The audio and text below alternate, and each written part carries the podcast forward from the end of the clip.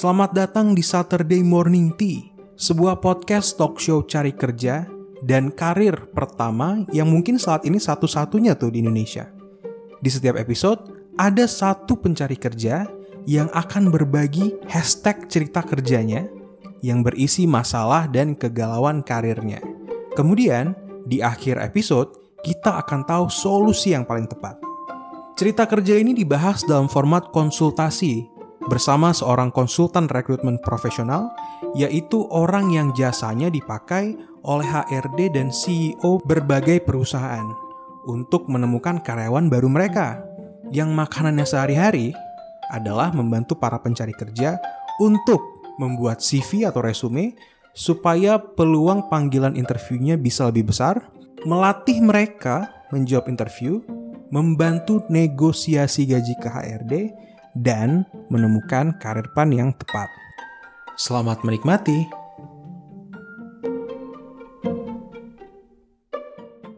Halo, halo, selamat pagi, selamat pagi teman-teman. Selamat datang di Saturday Morning Tea with me, Gilman Amri.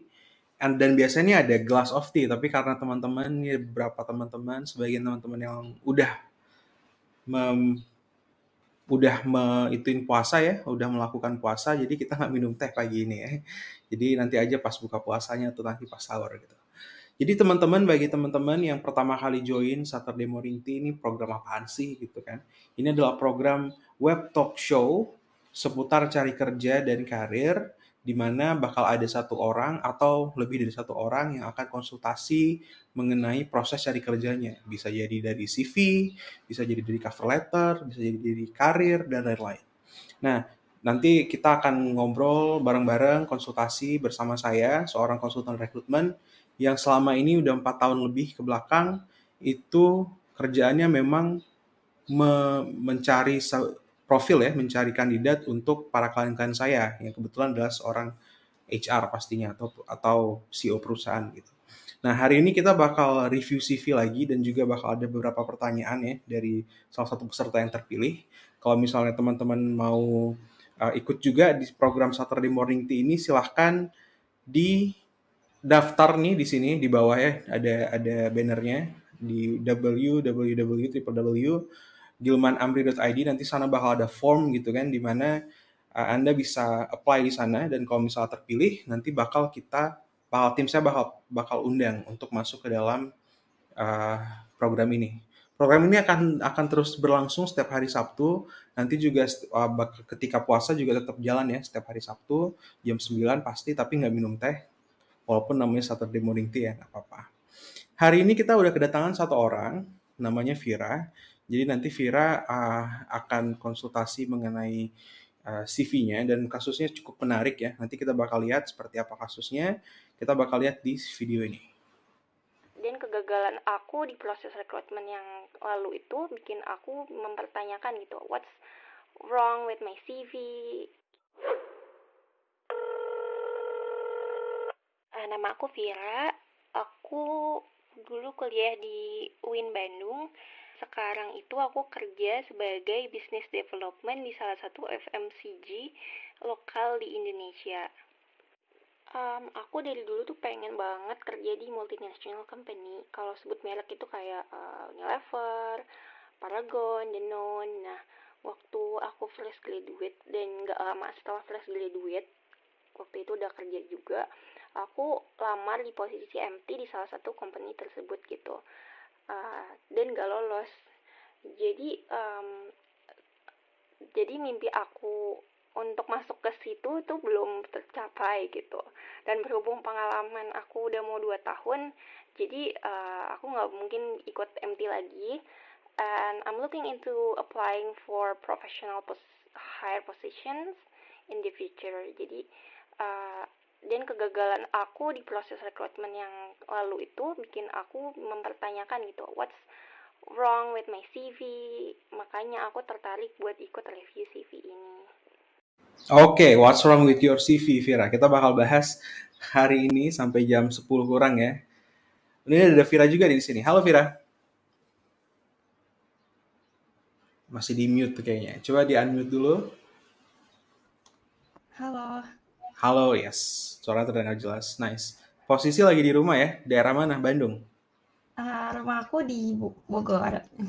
Oh di Bogor, I see, I see.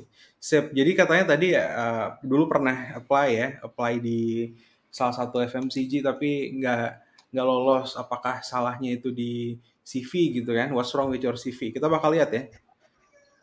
Iya. Kita, kita bakal share screen. Benar ya CV-nya ini ya? Gini aja. Iya betul. Yes. Oke, okay. jadi kita udah ada CV-nya Vira di sini ini kalau kita lihat strukturnya dulu sebenarnya CV-nya ini udah atau resumenya ini udah cukup cukup bagus ya karena sangat sangat jelas strukturnya mau lihat um, orangnya sedikit profil orangnya di mana di sini ada summary-nya ada di sini terus langsung masuk ke experience terus sudah ada PT-nya kemudian posisinya dari kapan sampai kapan gitu kan dan informasi-informasi lainnya pun dari sini gitu. Education volunteer dan lain-lain. Sebenarnya dari segi desainnya sendiri udah udah cukup oke okay sih Fer. Um, cuman kita bakal lihat dari penempatan kata-katanya ya. Oke. Okay. ini ada namanya Vira di sini terus email nomor HP sama LinkedIn which is which is nice. Kemudian yang di sini adalah summary passionate export business development professional with two years experience in B2B partnership and has expanded international consumer goods brands into five countries which okay product station overseeing. Oke, okay. berarti ini consumer product uh, consumer goods brandnya itu satu satu brand atau ber, berbagai macam brand? Uh, beberapa brand sih. Jadi kayak hmm. sekitar lebih dari satu dua something gitu. Kalau untuk di perusahaan aku yang lama. Gitu. Oke, okay. boleh tambahin aja has expanded international consumer consumer good brands, consumer goods brand itu berapa banyak brand gitu kan? Itu five countries hmm. yang bla bla segala macam. Itu sih. Terus kita bisa tulis passionate export business development bisa juga, tapi kalau nggak ditulis passionate juga nggak apa-apa sih. Yang penting ada two years experience in B2B partnership gitu kan. Um, as a apa gitu. Kalau misal nanti job vacancy-nya bilang dia mencari seorang B2B partnership atau mencari seorang business development, maka nanti ini diganti diganti sedikit nih Fir B2B business partnership atau in, atau dalam kurung atau atau garis miring ya business development gitu supaya lebih lebih apa ya lebih relate aja dengan mereka gitu ini ini minor sih tapi sangat tapi berpengaruh ke mereka gitu kemudian prospecting, product registration, overseeing end-to-end export process, and administrative task. Oke, okay. kuncinya di sini nih, Fir. Kalau misalnya nanti um, ada ada ini lagi ya, ada job vacancy yang nanti detail gitu. Mereka qualification-nya apa sama job desk-nya apa. Pastikan yang di sini yang di highlight ini itu sesuai atau mirip dengan apa yang ada di job vacancy. Nangkap nggak maksudnya gimana? Uh, jadi di customize ya berdasarkan lowongannya. Yes, di customize berdasarkan lowongannya gitu. Kenapa? Karena karena kalau misalnya lebih relate dengan dengan apa yang mereka cari itu bakal lebih nyambung aja dan peluangnya bakal lebih bagus gitu. Walaupun sebenarnya sama-sama aja sih, cuman kalau maksudnya pekerjaannya sama gitu kan, tapi karena kalau misalnya kata-katanya bisa sama, lebih lebih mirip lagi bakal lebih bagus gitu. Kemudian kita kita yang ini udah udah oke okay ya. Apakah ada pertanyaan di sini? Uh, enggak sih untuk yang itu udah jelas. Iya. Yeah. Oke, jadi kesimpulannya adalah kalau di sini pastikan apa yang mereka cari di job vacancy-nya itu udah terjawab langsung di sini. Misalnya di qualification nomor satu, nomor dua, nomor tiga gitu kan, mereka cari yang punya pengalaman dua tahun lebih di business development. Jadi langsung aja tulis di sini, two years experience in B2B business development. Jadi mereka udah tahu, oh ini cocok nih, maka mereka akan baca lebih lebih jauh lagi, lebih ke bawah lagi dengan lebih detail gitu kan. Kemudian mereka cari yang bisa misal prospecting partnership, B2B partnership sama apa overseeing end-to-end export proses nih. Maka ditulis juga di sini. Tapi kalau misalnya enggak, maka sesuaikan dengan job desk atau kualifikasi yang paling utama tadi gitu. Intinya itu sih kalau misal di profile yang summary ini. Meaning ini udah udah cukup oke. Okay. Kalau misalnya aku taruh kayak uh, lokasi domisili itu nggak apa-apa lokasi domisili sebenarnya nggak begitu pengaruh ya, Fir. Kecuali kalau misalnya dia minta willing to be placed in Surabaya misalnya. Nah, nanti di sini bakal ditulis tuh uh, juga tulis willing to be placed in Surabaya gitu. Jadi nggak nggak begitu masalah sih. Mending kita use the space untuk hal-hal yang berbau skill, pengalaman, dan kualifikasi sih, Fir. Gitu. Oke. Ya. Oke, jelas. Nah, siap. Terus work experience. Nah, ini which is very nice kalau misalnya untuk udah yang bekerja um, harus masukin work experience dulu dibandingkan education experience karena memang kalau dibandingkan edu education formal education ya dengan work experience kalau untuk yang udah kerja akan lebih diunggulkan work experience gitu. Karena edukasi beda dengan praktek biasanya. Walaupun bukan berarti juga harus tidak perlu ada edukasi ya, harus juga gitu. Nah, work experience di sini PT mencari cinta sejati ya, FMCG X. Sebutkanlah itu ya. Sebagai senior export business development staff. Oke. Okay. Overseas export orders from respective partners. Oke. Okay. Identifies market opportunities via market research and computer research. Collaborates with product development, international supplier for product station. Creates content brief cross e-commerce platform, management uh, calculates budget for e-commerce campaign. Oke. Okay. Nah, kita harus kasih more konteks nih, Fir. Misalnya, berarti ini uh, yang saya nangkep dari beberapa poin ini adalah berarti Vira yang akan uh, lihat gitu kan di satu negara, kemudian nanti bakal collaborate untuk masuk produknya masuk sana dan dijual sana, betul ya? Via e-commerce gitu ya. betul. Mm-mm. Eh kalau itu aku sebenarnya lebih ke semua channel sih dan untuk e-commerce-nya kebetulan brand kantor aku yang handle sendiri gitu khusus e-commerce. Tapi untuk sisanya semua ada distributor untuk menjalankan uh, operation-nya di sana gitu. Jadi ada offline Oh. online. Mhm. Nggak ada offline dan online. Nah, itu perlu di perlu di ini nih, perlu ditambahin konteksnya. Ah, jadi saya kasih konteks lagi ya, ketika mencari kerja adalah rekruter itu bakal terus mencari kecocokan apakah profil ini um, mirip atau cocok atau sesuai gitu ya dengan apa yang dicari sama usernya, sama manajer manajer di uh, divisinya gitu. Meaning kecocokan itu bakal dilihat bukan hanya dari job desk, ini kan job desk kan ya, tapi dari tapi dari uh, ininya, dari apa yang sudah dihasilkan oleh uh, ketika di, bekerja di sini dari Desember 2021 sampai sekarang apa aja yang sudah tercapai gitu. Misalnya kalau overseas export orders from respective partners, apa bedanya nanti Vira dengan uh, yang lain gitu? Karena yang lain juga bakal nulis kayak gini nih. Atau ada juga yang tidak nulis kayak gini gitu kan, secara CV ya, secara resume ya. Kita kan pengen CV-nya Vira ini bakal stand out ya dibandingkan yang lain gitu. Maka yang harus tertulis adalah seberapa jago Vira ketika ex, apa overseas export orders from respective partners gitu. Nah, overseas export orders from respective partners ini maksudnya kayak gimana nih? Boleh jelasin nggak?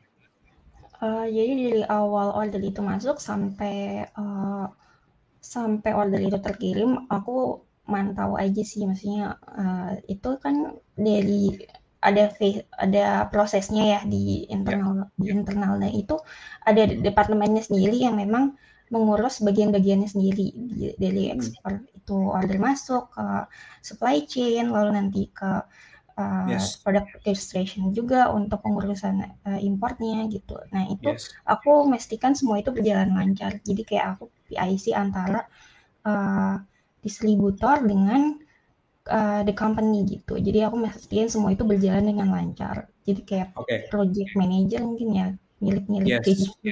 PM. Yes.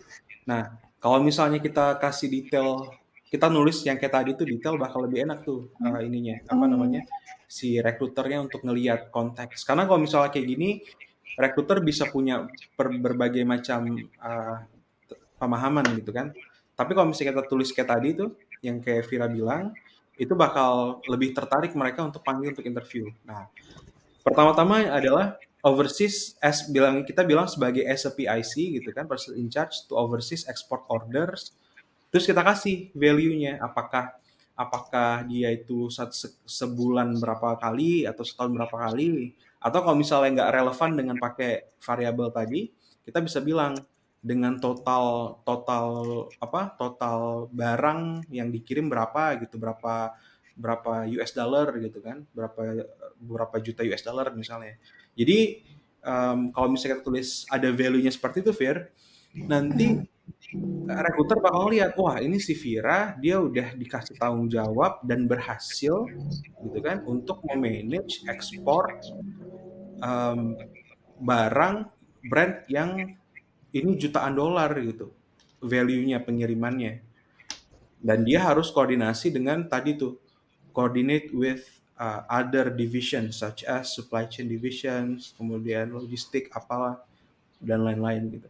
Jadi kalau di situ kalau misalnya dengan cara itu rekruter bakal ngeliat oh bukan cuman Vira ini dipercaya untuk menghandle ekspor brand dia dengan value yang jutaan dolar Kemudian dia juga di, dipercaya untuk dia juga udah melatih skill komunikasi dan kolaborasi dengan para divisi yang ada di company-nya dia maupun di company uh, partners yang ada di luar negeri gitu. Nah, sampai situ um, kira-kira make sense nggak, Fir? Make sense banget sih. Jadi kayak lebih ke provide konteks ya. Yes, exactly.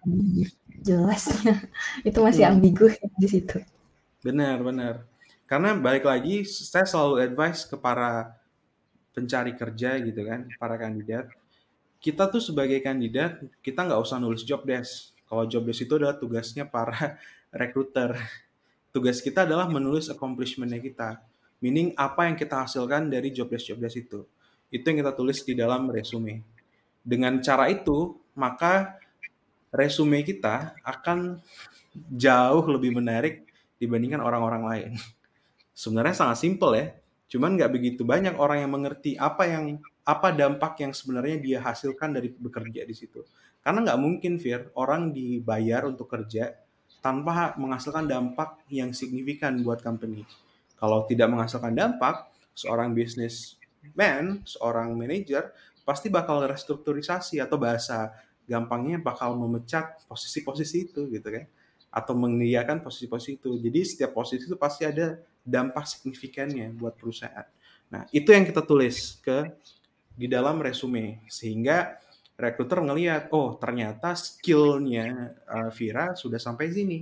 Maka either dia cocok dengan skill dengan pekerjaan sekarang atau dia sudah ada potensi untuk mengerjakan pekerjaan yang lebih besar tanggung jawabnya. Jadi kerangka berpikirnya seperti itu. Oke okay? Oke. Okay. Sip. Ini juga sama nih, identify market opportunities via market research and computer research. Nah, kita bilang, identify market opportunities di berapa negara, Fir?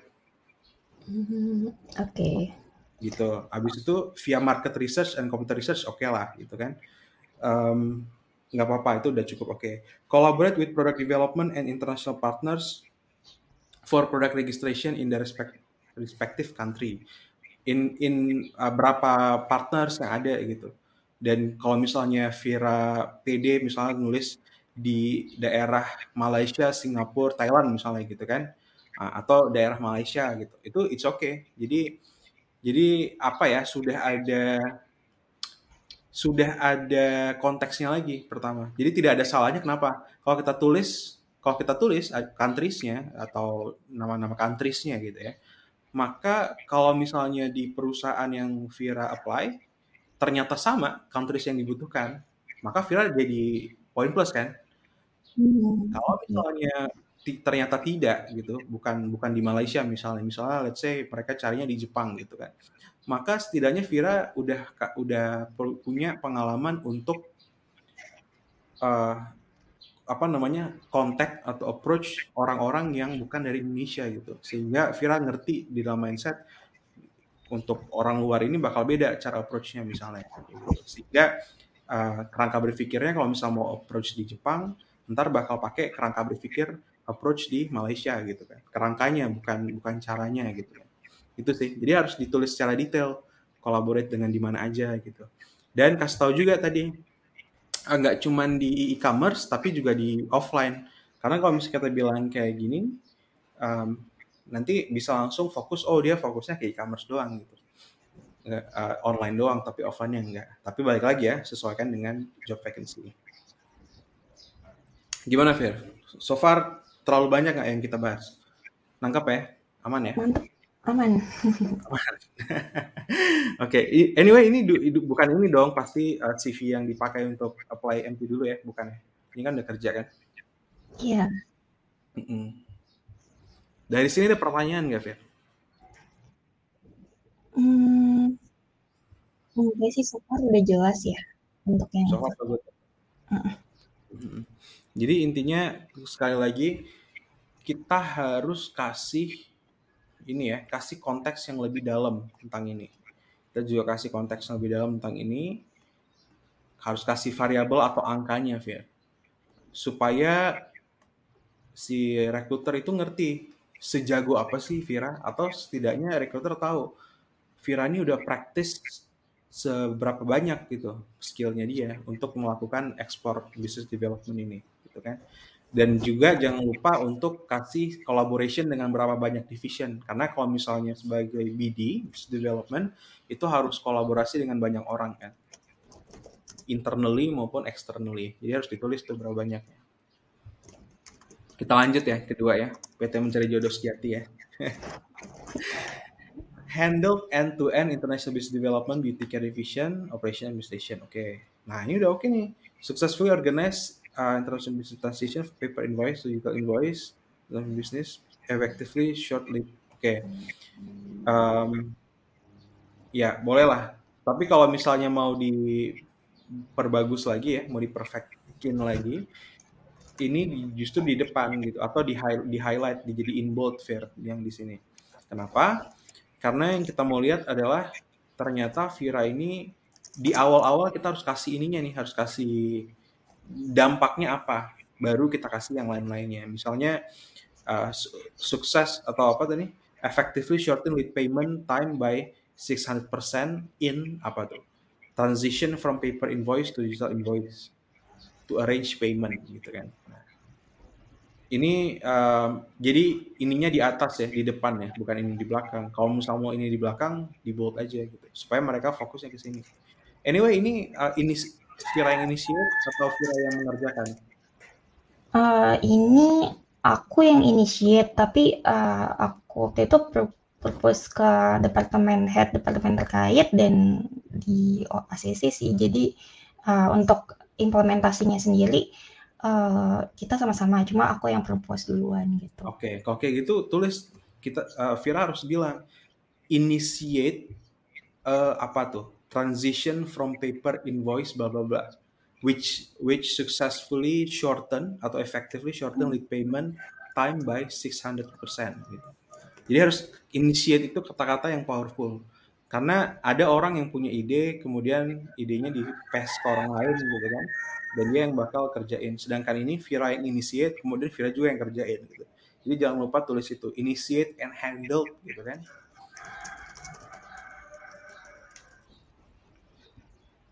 Oke. gitu. Sisanya ini udah oke banget nih, udah ada udah ada udah ada angkanya. Ini udah udah mantap nih. Arrange 870 million worth of export good. 15 international. Oke. Nah, kalau udah kayak gini Fir, kenapa nggak ditulis juga nih? Kita ditulis di sini nih. Misalnya two years experience in B2B partnership gitu kan. With total value of handling berapa tuh? Berapa juta dolar atau berapa berapa apa berapa miliar gitu. Jadi supaya dia tahu juga di awal. Jadi di awalnya harus jadi summary dari seluruh work experience di bawah. Dan manage 15 international distributor account kan. Berarti juga tulis di sini nih. Uh, expanded international consumer goods brands into five countries gitu kan with ranging from prospecting for berapa tadi 15 partnership gitu atau 15 apa segala macam jadi uh, angka-angkanya tuh harus angka tuh seksi kalau misalnya di sini Fir. Jadi sesuatu yang seru gitu kalau misalnya di, di apa resume kecuali terutama ya, terutama di professional summary gitu. Ini udah oke banget negotiate pricing within 2 until 3% shipment. Oke, ini udah oke banget sih. Sisanya udah oke. Berarti cuma yang ini doang ya? Yang belum ada detailnya. Sisanya udah oke banget nih.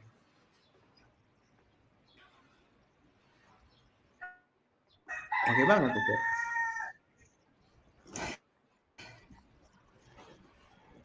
Live streaming, inform. Oke, additional information, native, professional, oke lah. Microsoft Office, online collaborating. Mhm. Oke, pastikan di soft skill ini, misalnya kan nanti ada job job vacancy-nya ya. Nah, Vira bakal listing out tuh apa aja skill-skill yang dibutuhkan sama dia. Kemudian pastikan ada di sini sebagai sebagai keyword aja. Jadi kalau misalnya mereka nyari sesuatu, uh, bakal ada nih skillnya di sini. Tapi pastikan juga ada ya. Biasanya ada sih, cuman nggak ditulis aja. Kemudian education, uh, pernah dibikin di Batam dia ternyata. Oke, second place. Oke, SMA. Ya, SMA oke lah karena ada ini ya, valedictorian ya. Volunteer experience, social media officer, talk show, bla bla bla, curated, volunteer. Oke, oke sih. I think it it's nice, uh, Fir. Nggak begitu banyak yang harus diubah, cuman di ditambahkan aja sih, dikasih konteks lagi. Dan yang paling penting justru yang paling paling recent gitu, yang paling baru. Jadi selalu di update yang paling baru. Ini Vira nggak nggak cepet nggak pengen langsung cepet ke- pindah kan? Ini hanya untuk jaga-jaga dulu ya. Iya, kemarin sih gitu untuk jaga-jaga takut gak lulus, ternyata lulus. Jadi kayak uh, still in the- future lah untuk Iya. untuk dream aku itu yang sempat Benar. Sebenarnya ini ini uh, untuk skill untuk mem, mengini CV ya, membuatin CV atau resume ini itu memang perlu um, apa namanya perlu terus untuk dipakai. Jadi ini nggak cuman sekarang doang. Jadi nggak ini tuh bukan kayak ini tuh kayak makan gitu loh. Kita kita harus terus-terusan terus-terusan makan kan. Meaning kayak kita harus terus-terusan update CV, kita bakal terus-terusan uh, apply pekerjaan sampai akhirnya nanti kita memutuskan untuk pensiun atau tidak bekerja secara profesional lagi. Let's say bikin bisnis atau apa gitu atau da- atau alasan yang lainnya. Jadi memang ini harus segera diketahui sih caranya, framework berpikirnya, ngelihat mindset rekruternya dan lain-lain seperti itu. Which is very nice karena dari sekarang udah mulai terpikir nih. Jadi nanti pas mau cari kerja gitu kan, lagi urgent cari kerja bakal apa namanya udah tahu caranya gimana. Anyway ini ya uh, job vacancy yang waktu itu di share ya.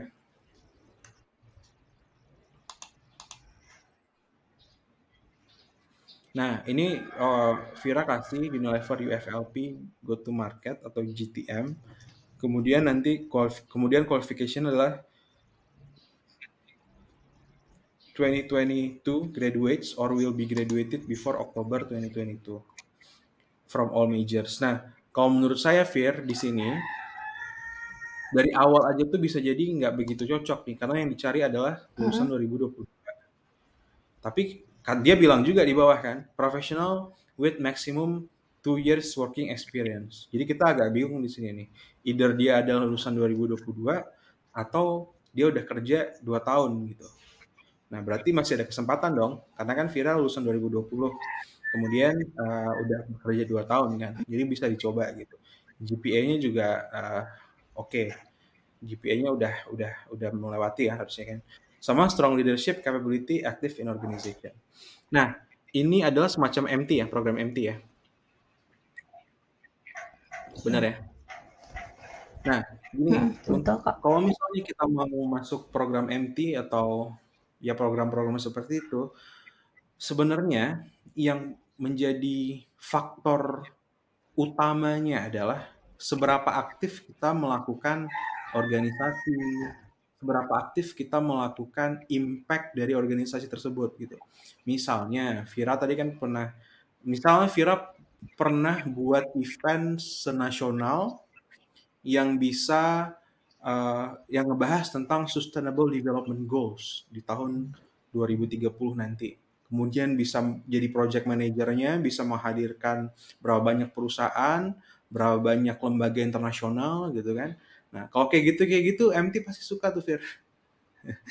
jadi ya, jadi kalau misalnya nanti mau mm, mau lamar apa namanya yang posisi-posisi di multinational companies ya, nggak mesti MT, harus mulai untuk banyakin aktivitas yang berdampak secara sosial selain kerjaan sekarang juga berdampak banget gitu punya perform dengan baik gitu. Mereka bakal suka banget misalnya menang jadi menang diakui menang sebagai uh, apa ya youth apa gitu di Indonesia diakui sama UNICEF di Thailand misalnya atau UNDP Thailand. Itu mereka suka banget tuh yang kayak gitu-gitu. Karena kenapa? Ini bisa jadi benar atau bisa jadi salah ya karena saya bukan rekruter di Unilever tapi saya mengerti cara berpikir mereka sedikit mereka ingin men menseleksi orang-orang yang bekerja di sana sebagai orang-orang yang paling bagus dan paling berprestasi. Jadi sehingga kalau misalnya nanti ada orang lain ketemu dengan anak-anak Unilever, anak-anak Astra, anak-anak apa gitu kan, mereka berpikir wah orang-orang yang masuk Unilever ini orang-orang yang benar-benar berprestasi semua nih gitu. Jadi brand employer brandingnya kayak gitu sehingga ketika nanti di de ke depan mereka membutuhkan manajer gitu kan atau direktur. Mereka juga orang-orang yang berprestasi itu bakal tertarik untuk masuk Unilever. Jadi strateginya kayak gitu Fir. Mereka mulai dari yang paling bawah dulu dari rekrut uh, apa fresh graduate untuk posisi MT dan lain-lain. Gitu. Jadi kalau misalnya Vira dan teman-teman mau masuk uh, program-program yang multinational companies harus ngelihat tujuan employer branding mereka apa? Kalau kayak Unilever udah jelas mereka hanya mau yang berprestasi atau mereka ke, uh, mostly mau yang berprestasi. Jadi kita harus menunjukkan bagian prestasi kita di dalam resume. Atau kalau misalnya belum ada nggak masalah. Sekarang kan masih punya waktu. Waktu pun masih lama ya. Kalau misalnya dikasih umur ya. Jadi sekarang lah saatnya kita untuk berprestasi di dalam kantor, menghasilkan impact, atau di luar kantor menghasilkan impact juga. Misalnya Vira jadi apa tuh presidensi juru bicara di G20 gitu kan atau berkontribusi di sana nggak mesti harus jadi juru bicaranya kayak mau mau di Ayunda. Wah itu suka banget tuh pasti itu nanti. Apalagi kalau misalnya itu berkaitan dengan produk-produknya atau brand-brandnya dari si multinational companies tersebut. Triknya itu Fir agak berat ya triknya Iya, karena mereka maunya kayak gitu. Mereka maunya yang benar-benar apa berprestasi, dapat scholarship itu, scholarship ini. Waktu mereka suka banget diharga dikasih penghargaan sebagai ini. Peluangnya bakal lebih besar ya, bukan berarti langsung masuk nggak. Peluangnya bakal lebih besar. Begitu. Kalau untuk tahu uh, pola pikir kayak gitu dari suatu perusahaan tuh gimana ya? Maksudnya apakah dari LinkedIn-nya, dari websitenya tuh bisa ketahuan gitu? Fir, lu tanya pertanyaan yang bagus banget. Ini bisa diketahui paling enak ya dengan ngobrol dengan rekruternya di sana atau ngobrol dengan konsultan rekrutmen seperti saya karena sebagai konsultan rekrutmen kan baik banget gak cuma saya kan itu pasti profesi kayak kita tuh pasti tahu culture dari perusahaan tuh kayak gimana. HR dan user tuh cari orang kayak gimana. Karena kalau misalnya kita nggak tahu mereka cari yang kayak gimana, ya kita nggak deal deal, kita nggak bisa kasih kandidat. Ketika kandidat nggak deal, target saya nggak terpenuhi gitu kan. Jadi tanya kedua orang itu paling mudah. Caranya gimana? Ya berkoneksi di dengan alumni, dengan teman-teman, dengan LinkedIn, gitu, dari LinkedIn gitu kan, sehingga bisa uh, punya koneksi rekruter dan konsultan rekrutmen atau HR. Habis itu bakal ditanya gimana. Kalau misalnya mau dianalisa sendiri juga bisa. Kayak tadi Vira bilang, kita lihat dari newsnya, beritanya seperti apa. Kita lihat dari program employer brandingnya. Kita lihat di LinkedIn page-nya misalnya. Mereka tuh sering kasih konten tentang apa sih gitu kan. Kesannya mereka pengen kasih konten supaya terkesan seperti apa sih. Nah, itu tuh dengan cara kayak gitu udah sangat jelas tuh. Misalnya ada dulu ada startup unicorn gitu kan bukalapak gitu ya mereka cuma cari orang-orang mereka selalu ngepost uh, ini gimana cara programmer yang dari luar gitu kan yang udah pernah kerja di uh, Twitter, di mana lah segala macam dia yang bagus-bagus, kerjanya di Bukalapak gitu. Nah, tandanya apa? Kesannya adalah Bukalapak lagi cari orang-orang yang seperti itu gitu di luar sehingga nanti kalau misalnya ada program ada posisi yang terbuka dan orang-orang orang-orang yang tadi yang ditargetin tadi bisa ngelihat oh ternyata kalau gue lepas Twitter di California terus masuk Bukalapak gue sejahtera juga kok gitu. Bahkan gue jadi lebih bagus. Caranya adalah lihat LinkedIn page activity-nya seperti apa. Kita analisa sendiri.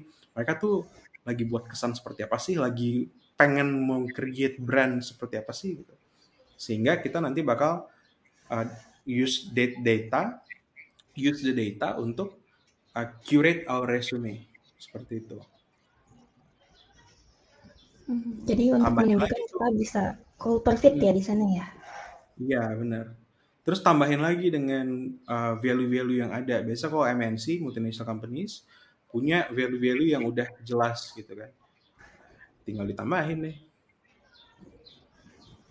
jadi nggak jadi nggak se sesepele itu loh cari kerja, apply kerja. kayak cuma buat resume, habis itu kayak tinggal diupdate kerjanya apa, job desknya apa, terus dikirim gitu. Not that simple, nggak ada yang simple. Apalagi cari kerja. Gitu. Any other question, Fer? Um, Paling terkait yang CV aku tadi, aku ada pertanyaan tambahan. Itu yes. kalau kan aku pernah intern ya dulu hmm. tahun beberapa tahun yang lalu, udah lama banget lah pokoknya. Dan itu kayak masih bagus gak sih? Maksudnya masih sebaiknya ditaruh masih. Karena itu sebenarnya nggak terlalu relevan banget sih gitu sama oh. posisi yang sekarang. Oke, okay. ini ada ada di CV tadi ada itunya. Ada ada tulisan ada ya. Yang mana tuh? Yang ini? Yang paling bawah ya. Oke, coba kita lihat ya. Bentar. Collaborate with IT team to determine the nature of technical problems, responded in timely manner, provided technical support. Oke. Jawabannya simple.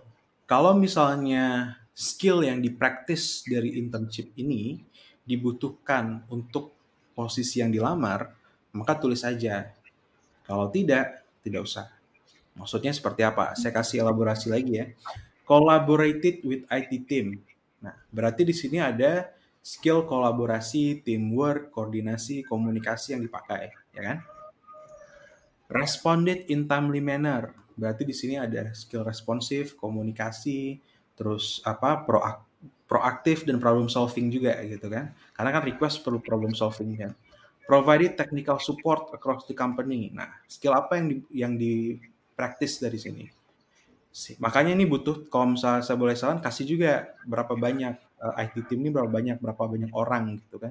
Technical problems totalnya berapa banyak technical problems bisa jadi lebih dari seribu technical problems. Tujuannya apa Fir? Supaya uh, recruiter bisa tahu ternyata Vira ini, kandidat ini, profil ini itu dari IT dari intern aja gitu kan. Ketika di IT support ini tahun 2015 itu udah ngelatih skillnya. Sehingga sekarang tahun 2022 harusnya skill tersebut bisa jauh lebih bagus karena sudah berapa tahun dilatih tuh. Udah lebih dari uh, lebih dari tujuh tahun kan. Dia udah mulai di tujuh tahun yang lalu sehingga sekarang pasti skillnya lebih besar atau lebih lebih bagus gitu. Gitu. Anggap ya. Aman. Aman. Dan nggak nggak perlu kita nggak perlu ini Fir, nggak perlu takut untuk taruh uh, experience di sana, internship experience, work experience, asalkan asalkan relevan. Walaupun lebih dari dua halaman pun nggak masalah Fir. Banyak orang yang bilang kan, resume CV harus lebih dari dua halaman. Nggak juga sebenarnya. Saya pernah uh, handle beberapa posisi yang posisinya itu lebih dari lima tahun, lebih dari 10 tahun kerja, levelnya udah direktur gitu kan, lebih dari 20 tahun, 15 tahun, 20 tahun. Itu resumenya 10 halaman, Fir. Nggak masalah. Nggak masalah. Karena kenapa? Kalau kita kita harus lihat definisi resume sama CV kan. Orang-orang yang yang bilang harus dua halaman, harus satu halaman, berarti ada indikasi kalau mereka belum mengerti definisi resume dan CV. Resume itu kan resume itu kan summary ya, ringkasan ya. ringkasan pengalaman kita yang sesuai dengan apa yang kita lamar gitu. Kalau misalnya untuk posisi yang lebih tinggi gitu kan, bisa jadi itu lebih dari dua halaman, ringkasannya aja gitu. Dan itu it's okay karena rekruter memang butuh itu untuk ngelihat apakah dia cocok dengan candidate lain apa tidak gitu. Jadi no problem. Tapi kalau misalnya masih di bawah lima tahun, di bawah 10 tahun gitu kan, kalau bisa ya di kalau bisa resumenya itu ringkasannya udah benar ringkas dan biasanya itu tidak akan lebih dari dua halaman. Itu sih. Itu yang itu definisi yang udah paling benar tuh kalau di pengalaman saya ya. Jadi it's okay untuk kalau bisa tulis yang yang yang penting yang relevan aja gitu ringkasan yang relevan saja tulis di resume. Sip. Any other question, Fer? Um, paling untuk aku kan nggak bukan top 5 ya walaupun di situ tulisannya University Bikini Bottom tapi itu bukan top 5 university in Indonesia gitu. Itu hmm. tuh sebenarnya kayak ngaruh nggak sih dilihat gak sih dari multinational company? Apakah oh, dengan is, aku bukan top 5 jadi auto tersingkir gitu? This is good question. Apakah langsung auto tersingkir? Tidak. Kalau Vira bisa memberikan value yang lain. Mungkin ada kayak tadi ya, employer brandingnya dari satu MNC, dia pengennya yang berprestasi dari reputable universities gitu kan. Tapi kalau misalnya Vira bisa menghasilkan impact di perusahaan sekarang, lebih dari orang-orang itu yang berada yang datangnya asal usulnya dari reputable universities, maka Vira masih punya kesempatan dan justru kesempatannya besar untuk uh, dilanjutkan. Jadi istilahnya gini, kalau misalnya ada tiga requirement, kita tahu nih satu requirement pertama kita kurang. Maka di requirement kedua dan ketiga kita harus 100% gitu. Sehingga kita masih punya peluang di sana. Nah, sehingga kita tahu apa yang bisa kita tampilkan, tonjolkan, dan fokus into. Gitu. Kalau misalnya memang bukan Vira bukan dari top 5 reputable universities Indonesia, I think it's okay. Asalkan kriteria kedua yang menurut saya justru lebih penting yaitu gimana kinerja performance dari yang ada sekarang. Nah, Vira tulis tuh di sana kalau misal masih muat apa namanya uh, bullet pointnya gitu kan 3 sampai 5 bullet point oke. Okay. Targetnya misalnya berapa berapa banyak gitu kan. Kemudian Vira achieve nggak target tersebut? 100% nggak KPI-nya? Apa lebih dari 100%? Nah, itu yang bakal dijadikan senjata untuk mengalahkan kompetitor yang lain dari uh, reputable universities nih. Kita coba lagi ya, kita masukin ke stream ya. Nah, ini kan ada CV-nya nih. Kalau misalnya mau ditambahin di sini salah satu salah satu bullet pointnya. Vira punya KPI 100 100% pasti kan. KPI-nya apa aja. Kemudian Vira ini achieve nggak dari dari KPI itu. Kalau misalnya achieve bilang achieve 100%. Kalau misalnya nggak achieve, kita bilangnya datanya aja angkanya. Misalnya kayak tadi ya, 870 juta achieve apa achieve-nya. Jadi kita kalau misalnya PD kalau misalnya achieve 90% ke atas, menurut saya sih tulis aja achieve uh, 90% KPI nggak apa-apa. Tapi kalau misalnya lu kurang dari 90%, kita tulisnya angka kayak gini. Jadi sehingga nanti mereka berpikir, wah ini Vira kalau misalnya dikasih kerjaan, dikasih target gitu kan, wah achieve dia nih lebih dari 90%. Apalagi kalau misalnya 100% dan beyond kan. Gitu. Itu kuncinya. Oke, uh, itu tapi ditulisnya di elaborate juga nggak sih kak itunya uh, eh, KPI-nya? Sebelum misalnya 100% gitu, kayak ini KPI-nya seperti ini, terus baru ditulis uh, 100% achieve gitu. Jadi nggak ya. langsung yeah. KPI 100% achieve di CV-nya. Oke, okay.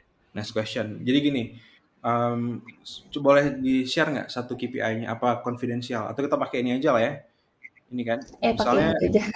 ini aja. Uh, let's say manage 15 international distributor account gitu kan. Uh, oh jangan deh range ini deh gitu kan. Hmm. oh jangan ya ini aja 15 international. Let's say um, Vira harus buat 15 international distributor account ini tuh sukses gitu.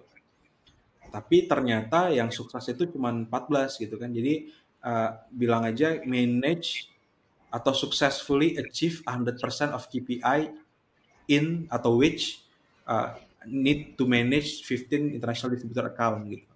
Dan semua tercapai gitu. Jadi benar kita harus kasih uh, elaborasi dari KPI tersebut tapi akan lebih bagus dan lebih menarik ya kalau misalnya KPI-nya itu achieve achievement KPI-nya itu disebut di awal.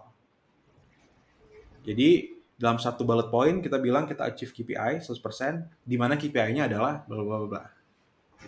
Nah, kalau udah kayak gitu udah udah sangat-sangat menarik banget tuh bagi rekruter. Gitu. Karena kan ada yang ada yang menurut satu perusahaan achieve 15 account manage manage 15 account itu tuh ada yang tinggi, ada yang biasa aja, ada yang sedang kan. Gitu kan. Makanya kita butuh KPI karena KPI itu bisa memberikan konteks kalau perusahaan itu memberi target ke Vira berapa sehingga yang dinilai bukan lagi ke numbersnya tapi yang dinilai adalah targetnya gitu oh target dari perusahaan ini memang segini target saya memang segini sehingga saya achieve 100% maka sekarang saatnya lah saya pindah ke tempat yang lebih bagus supaya saya bisa achieve target yang lebih tinggi gitu. Nangkap ya? Iya. Jadi jangan minder duluan, Fir. Oh, itu kan bukan sesuatu yang bisa kita kontrol kan. Tidak, karena itu masa lalu ya dari reputable universities gitu. Enggak kok, banyak orang yang tidak harus dari reputable universities tapi mereka jadi leaders atau thought leaders yang ada di, di industri. Yang penting apa dampaknya? Dampaknya, kalau salah satu mindsetnya, mantranya dari cari kerja adalah kita harus solve the problem kita nggak berhak dapat kerja, tapi kita harus solve the problem. Semakin besar problem yang di-solve dan semakin signifikan dampaknya buat orang lain, maka your value, harga kita sebagai kandidat gitu ya, itu akan lebih besar juga. Dan peluang kita untuk masuk ke dalam kerja, tempat kerja bakal lebih besar. Jadi fokusnya adalah solving the problem. Problemnya kayak tadi, bisa nggak lebih banyak masukin penetrate market internasional gitu. Semakin banyak, semakin bagus problemnya kan itu. Jadi fokus ke sana aja. Kalau bisa fokus ke sana komputer yang lain tuh bakal fokus nggak tahu ya mereka bakal fokus apa enggak. Tapi karena kita udah truly fokus ke solving problem company problems maka itu bakal reciprocal gitu. Ke diri kita bakal lebih lebih grow lebih lebih tumbuh gitu kan. Sehingga problemnya jadi tujuannya Fir kita tuh bakal solving problem gitu kan. Problem yang sekarang Fir udah punya nih ntar bakal harus selesaiin problemnya. Terus pas nanti udah selesai problemnya, Vira bakal cari problem yang lebih besar lagi. di perusahaan yang lain atau perusahaan sekarang. Jadi gitu terus sampai nanti kita pensiun, sampai ketika nanti kita selesai check out dari dunia. Jadi tugas kita adalah cari problem, Fir, dan solving the problem. semakin banyak problem, semakin besar problem, semakin bagus. Oke. Okay. Aman ya? Itu udah jadi closing statement nih.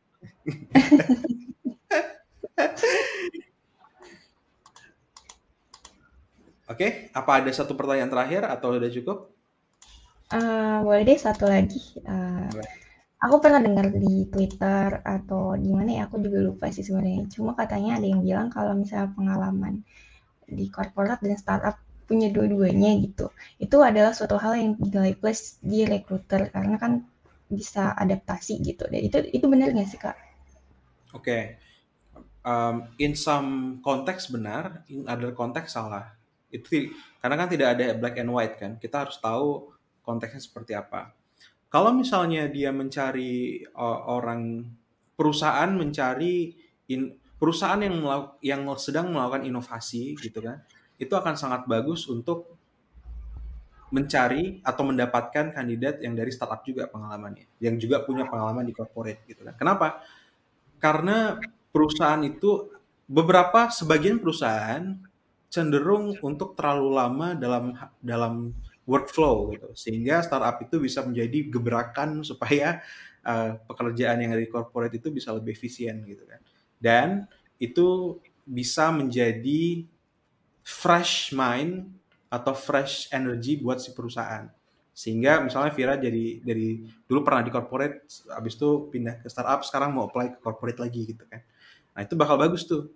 Pace-nya pace-nya juga beda corporate sama startup kan. Pace-nya lebih cepat di startup.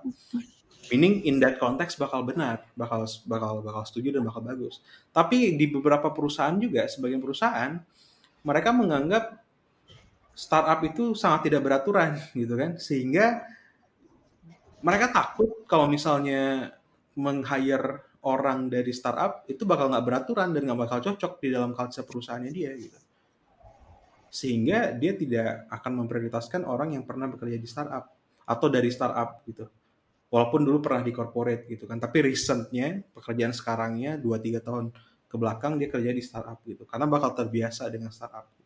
Jadi balik lagi ya itu tergantung dari perusahaannya. Apakah dia sedang mencari apakah konteksnya seperti A atau konteksnya seperti B. Tapi itu nggak mesti dipusingin sih Fir. Menurut saya Pak yang harus dilihat adalah apakah dengan masuk ke startup skillnya Vira bakal bertambah signifikan dibanding masuk ke perusahaan gitu kan? Dan dan harus disesuaikan juga dengan pekerjaannya dengan skillnya dengan space-nya gitu. Yang kita prioritaskan yang itu aja sih.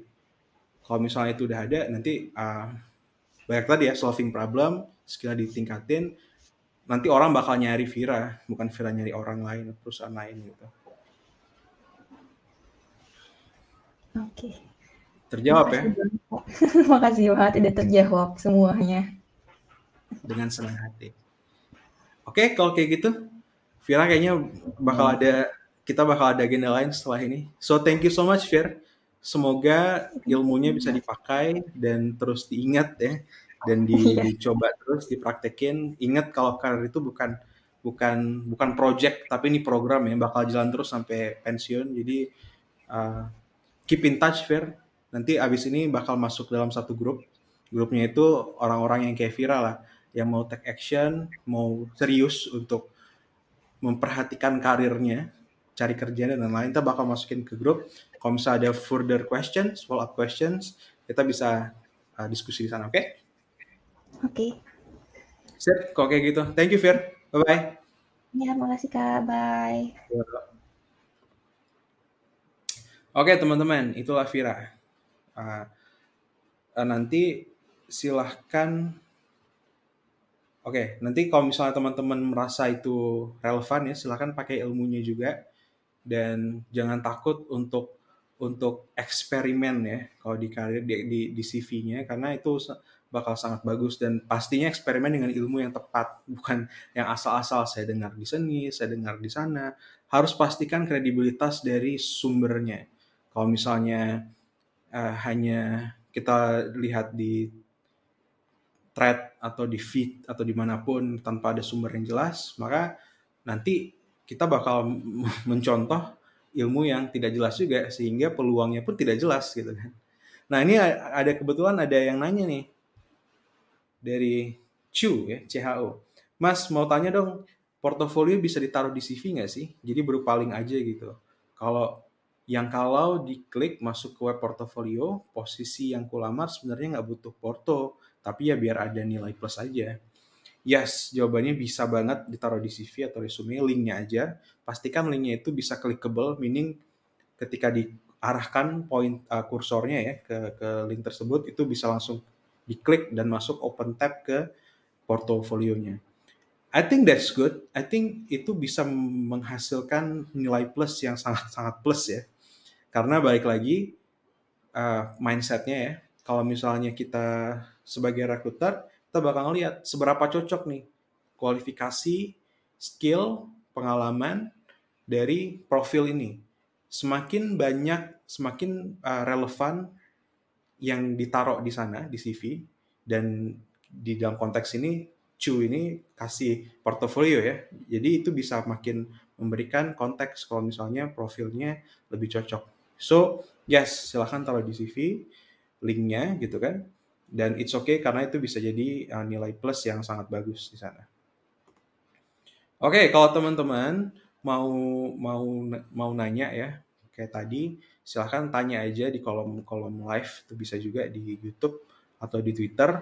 Dan kalau misalnya teman-teman mau di review resumenya atau CV-nya sampai menjadi menarik untuk para rekruter sehingga peluang dipanggil interview makin besar gitu kan, silahkan daftar di www.ilmanamri.id.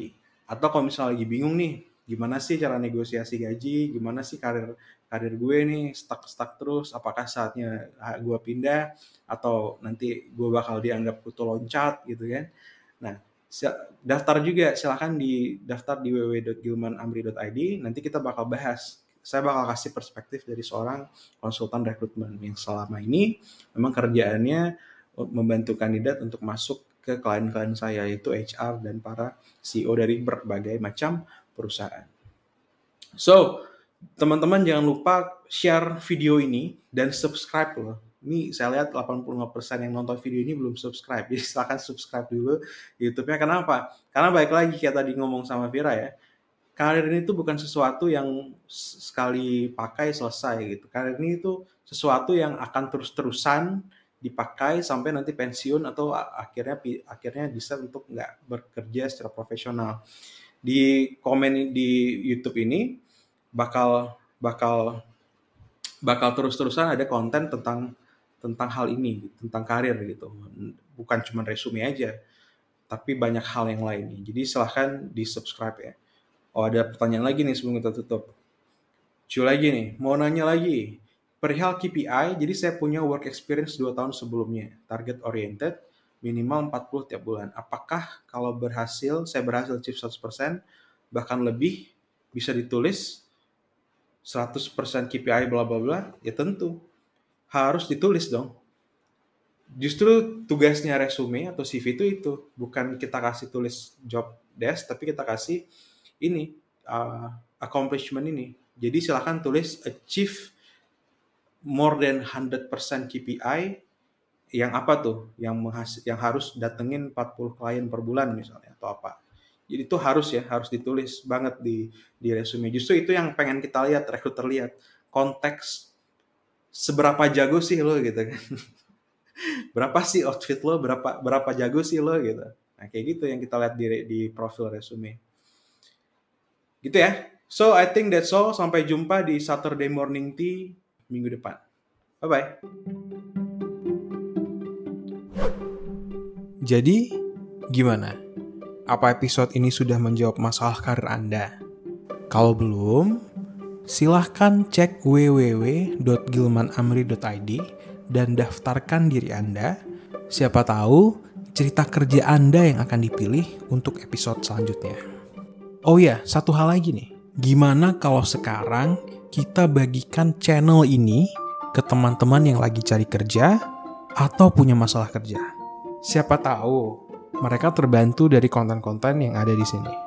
Sama-sama kita memberi manfaat ke lebih banyak orang. Kita plus satu kebaikan hari ini. thank you